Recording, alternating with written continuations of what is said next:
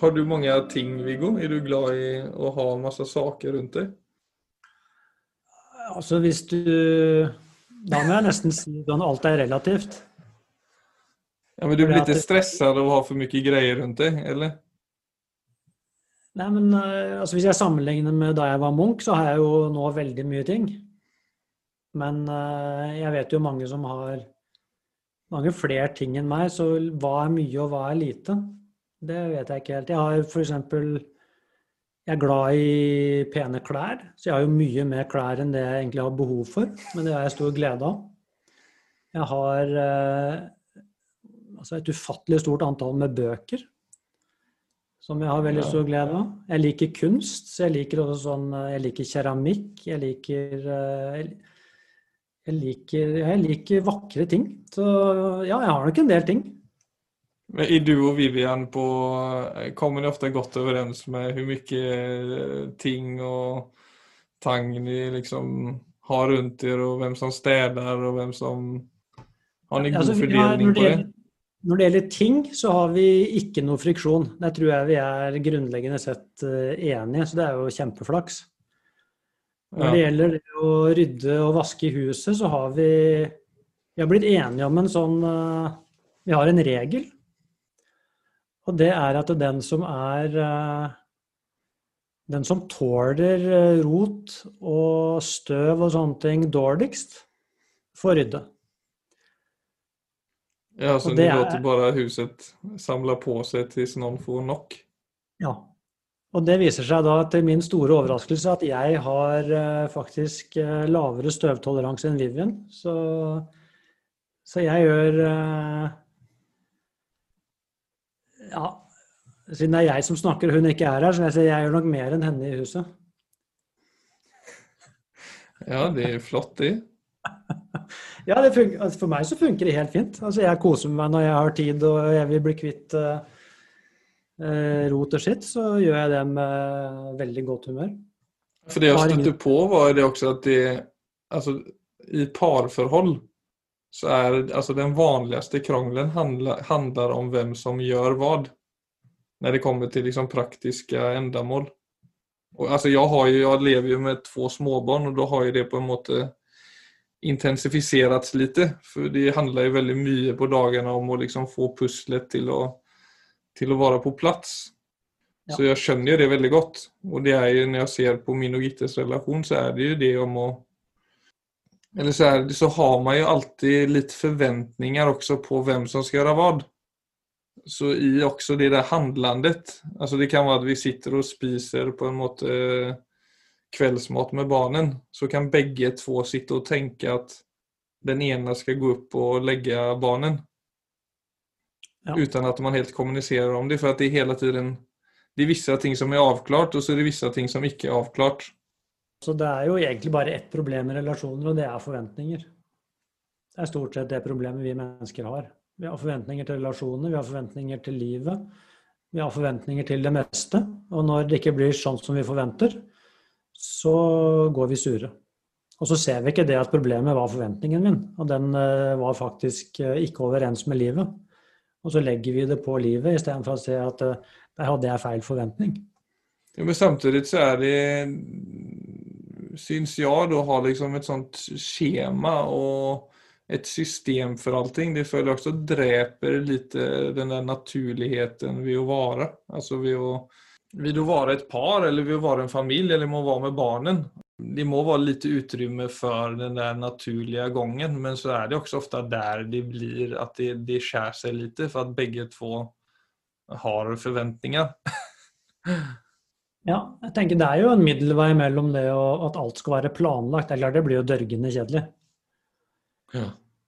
Men, eh, men altså, du, jeg tror det er viktig å skille mellom det at ting er Altså spontant og åpent. Det er for meg noe helt annet enn forventninger. Kan, det kan godt være helt åpent, og så kan jeg fortsatt ta ansvaret for forventningene mine. Så hvis vi skal bringe inn nå ordet mindfulness her, eller tilstedeværelse, så blir jo det å være klar over Altså Hvis det er to stykker som er i en relasjon, og begge to har et bevisst forhold til sine forventninger, og at eh, det er stor sannsynlighet for at forventningene mine ikke blir møtt, Og da er det mulig for meg å være fleksibel. Så er det klart så blir det jo alt utrolig mye enklere. Mm. Da trenger man egentlig ikke planlegge noe som helst, for at da, da, klarer man å ha en, uh, en samtale basert på det øyeblikket som faktisk er nå, og ikke basert på forventningene fra i går eller foregårs eller fra vet, flere år tilbake i tid. Så jeg tror her er det veldig mye å, tror jeg er veldig mye å se på her. Men om du, om du mener at forventninger er eh, problemet, hva, altså, hvordan tar vi ansvar for våre forventninger, tenker du? Altså, jeg må bare gjøre en liten presisering der først. og Det er, det er egentlig ikke forventningene som er problemet, for de, de har vi, og jeg tror ikke vi kan være foruten. Så, men jeg tror det som virkelig er problemet, det er hvor hardt vi holder forventningene våre. Altså insisterer jeg på forventningen min, eller klarer jeg å holde forventningene mine med litt letthet? Sånn at hvis ikke, de, hvis ikke det viser seg å bli fulgt opp sånn som jeg trodde, så klarer jeg å slippe tak i det. Det vil selvfølgelig være en avgjørende ferdighet egentlig for å få flyt i relasjoner. Og det handler jo om tilstedeværelse. At jeg er klar over at jeg hadde en idé om hvordan denne kvelden skulle forløpe, og så skjedde det noe annet. Og så klarer ikke jeg å bli med på det som faktisk skjedde. Jeg er blitt stående fast med sånn som jeg hadde sett det for meg. Men hvis jeg har sett det for meg sånn, og så har Vivian sett det for seg sånn, så er det jo nødt til å bli krangel. Når du opplever at det er ubalanse i et forhold, så er det jo veldig lett å havne der. At du, at du, at du kan rettferdiggjøre dine forventninger. Ja, men jeg tror det er veldig viktig å skille mellom altså hva som er sånn hverdagsgnål, som jo ofte egentlig bare er altså stressatferd. Altså man er sliten. Ofte så er jo begge to slitne, så man har ikke så mye overskudd. Og da kommer krangelen veldig, veldig fort. Så det, dette er ikke nødvendigvis lett, og det er jo mer sliten man er, jo vanskeligere er det. Men det er liksom en krangel på toppen av at man er sliten. Da blir man virkelig sliten. Og hvis det setter seg som et mønster at det er mye sånn småkrangling hele, hele tida, så er jo det noe som ødelegger et forhold. Så det er noe med å se Begynne også å se hva er, hva er det vi tjener på. Det å se at det er veldig mye å tjene på å Ja, og begynne å se også på hva får jeg igjen for dette. Altså for det, ofte så går vi bare i emosjonelle reaksjoner. Så igjen så er jo stikkordet tilstedeværelse. Det er at jeg får med meg at det er ikke bare de ytre tingene her som skjer, det er også alt det jeg har sett for meg i mitt eget sinn. Så det er der konflikten ofte oppstår.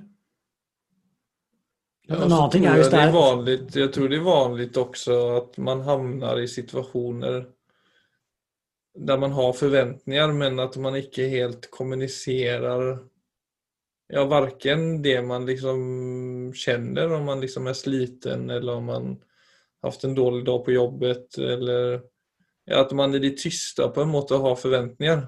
Jeg tror det er der det ofte skjærer seg. At det også er en liten ingrediens av brist på kommunikasjon.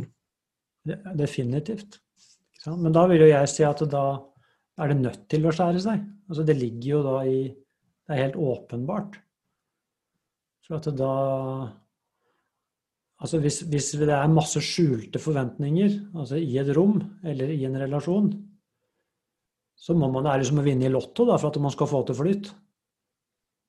Så, mm. så det, dette er jo ferdigheter, egentlig. Altså, det ene er jo å, å, faktisk være ærlig.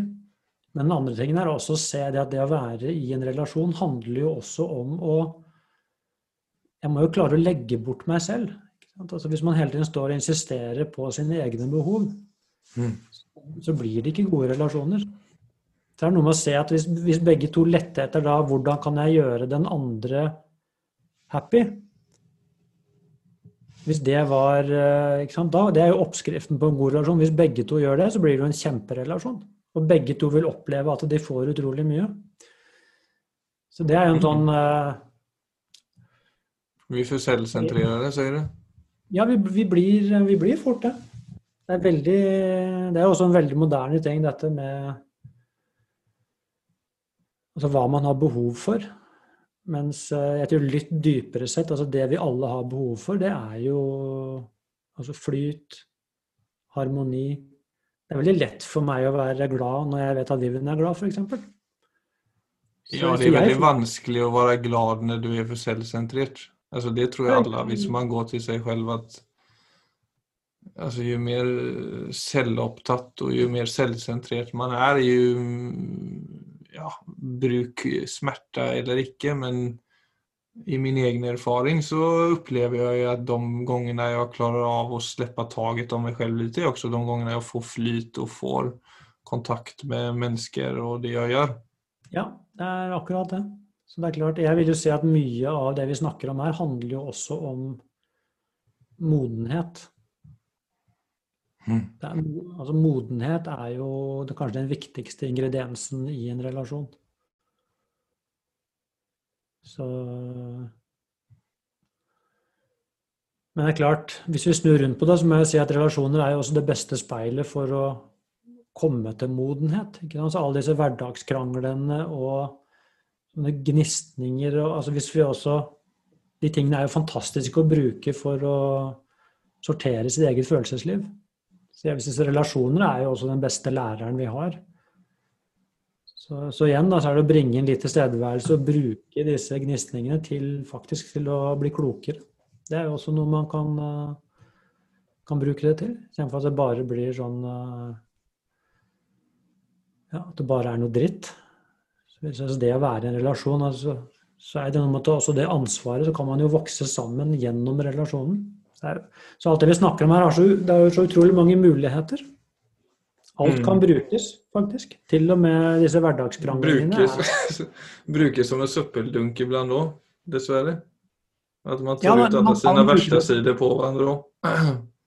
Det er akkurat det. Man kan Men hvis jeg gjør det, så kan jo også det være en læring. Hvis jeg bruker andre som en søppeldunk, så er det klart så vil jeg jo ødelegge alle relasjonene mine. Mm. Så kanskje et eller annet sted ned på løypa der så vil jeg si at dette funker faktisk utrolig dårlig. Ja, for Det er jo veldig typisk å ta ut det man føler på den som står en aller nærmest, dessverre. For at det er der man også kjenner seg som tryggest. Kanskje på relasjonen i seg selv òg. Ja da. Det, men det er bare det at det altså, Hvis du skjønner hva jeg mener med lettirritasjoner og hadde hatt en dårlig dag på jobbet så er det veldig lett å speile det med et annet menneske som står deg veldig nære, og så blir det en sånn utakknemlig bollplank. da. Absolutt. Men det er eh, Altså mitt poeng hele tiden er jo bare det at det er greit, det, men altså igjen, da. Alt du gjør, har en konsekvens. Så det er Altså, det er uh, Altså, ord noen ganger så får man har et indre trykk som jeg bare må ha ut. Mens den lille lettelsen jeg fikk ved å få ut trykket mitt, altså det, det, kan jo ha en konsekvens for relasjonen i årevis. Så det er noe med å For meg så er disse tingene veldig alvorlige. Det er å se Vil jeg konsekvensene, som igjen, da, hvor ja.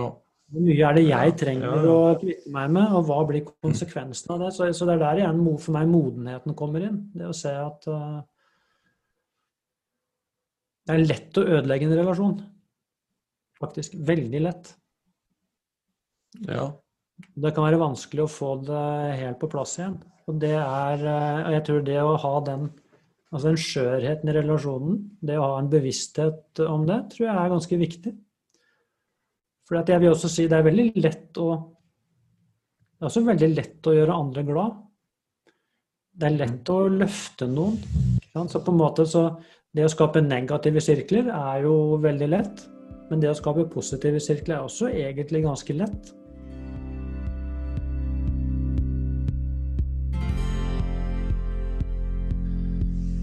Eh, jeg vet jo det når jeg, om jeg slänger ut min irritation över Gitte som ikke hon förtjänar så er jo det en, en impuls som, alltså, som kommer av et egentligen ostabilt følelsesliv som jeg bare utagerar utan att egentligen tänka mig efter. Ja. Och det jag har lite lust att gå inom är det där med impuls och handling som också var kanske det första som jag började lägga märke till när jag intresserade mig för mindfulness. Eh, alltså det förhållet mellan impuls och handling. Att du får en impuls innan du handlar. Och att vi så ofta bara agerar på våra impulser utan att vi nödvändigtvis är klara över det. Och det jag började lägga märke till var ju det där med att är jag mina impulser? Eller står jag i, i förhåll till dem? Alltså för det var ju ofta sånn at jeg, för jag hamnade, jag kunde hamna i situationer då jag kände att varför gjorde jag det der? Alltså i et parforhold eller på jobbet eller med vänner. At jeg kunne finne meg selv i situasjoner der jeg på en måte var besviken over meg selv eller eh, såg at eh, jag hadde agerat på en måte som jeg ikke helt stod innenfor. Alltså at jeg kunne se flere situationer der jeg egentlig reagerte per automatik. Helt uten egentlig et blikk på hvorfor jeg agerer som jeg gjør. Alltså det var som om jeg var mine impulser. Men om jeg kan legge merke til mine impulser såg etter hvert, så er jeg faktisk ikke mine impulser og det var egentlig her en sorts frigöring startade. Att jag har ju faktiskt ett val. Om jag blir god nok på å legge merke til impulsen innan impulsen bare kjører over i handling. Ja, altså det som kan holde en uh, impuls i sjakk, det er jo tilstedeværelse. Så at uh, Hvilke impulser som dukker opp i meg fra øyeblikk til øyeblikk, det, jeg, det, kan jeg jo ikke velge. Det er jo noe som bare Det er akkurat derfor det kalles impulser. Det er jo rett og slett bare en ladning som skjer i kroppen min og i sinnet mitt. Men om den kommer ut i handling eller ikke, da kommer det an på tilstedeværelse. Ja, for det er noe med det å få øye på impulsen. Det der, for du, som du sier, du, du får impulser hele tiden som ofte også sitter fast i ting som har hendt. Og så havner du i en ny situation. Och så tar du den ladningen med inn i den situasjonen som er helt unødvendig. Absolutt. Der hvor det blir komplekst, da, det er jo med La oss si nå, nå er jeg litt stressa. Jeg har eh, sovet litt dårlig. Jeg har ikke spist regelmessig. Jeg har jobbet litt for mye. Det har vært en del små krangling i det siste. Hvis du legger alle tingene oppå hverandre, så er det der vi mister det rommet mellom impuls og handling. Så det er der, det er der folk opplever det at de Altså du prøver og prøver, men du får det ikke til. For at du blir hele tiden tatt av eh, stemningen eller følelsene. Mm. Eh, Mens i motsatt fall, altså du er uthvilt, du har overskudd, altså relasjonen er egentlig bra, så vil du kjenne at det er, det er lett å styre egne impulser. Så det er eh, Akkurat her er vi kanskje ved altså menneskets lodd. Altså det å det å, det å, egentlig ta for I min verden i hvert fall så er det det å ha et rom for å kunne styre mine egne impulser, så er det noe jeg må ta jeg må ta ansvar for det faktisk i helheten av hvordan jeg lever livet mitt. Og det må jeg ha et bevisst forhold til. For at jeg vet det at for at jeg skal kunne styre mine impulser, så må jeg ha et veldig bevisst forhold til fysisk trening, til mat, til søvn, til stress, til restitusjon, til alenetid. Alt det Du trenger å ha de områdene på plass? Faktisk. For at alle de spiller inn der. Så det å bevare det For da blir det plass, plass til tilstedeværelse i livet mitt. Mm. Da får jeg den lille Det jeg ofte kaller det for space, men du kan bare kalle det perspektiv. Altså du, ja. du har perspektiv på livet ditt. Ja, for jeg merker det bare jeg havner litt sånn Drikker et glas for mye eller ikke får trent, så blir det veldig fort at jeg at jeg egentlig frånsäger meg veldig mye som er viktig for mig.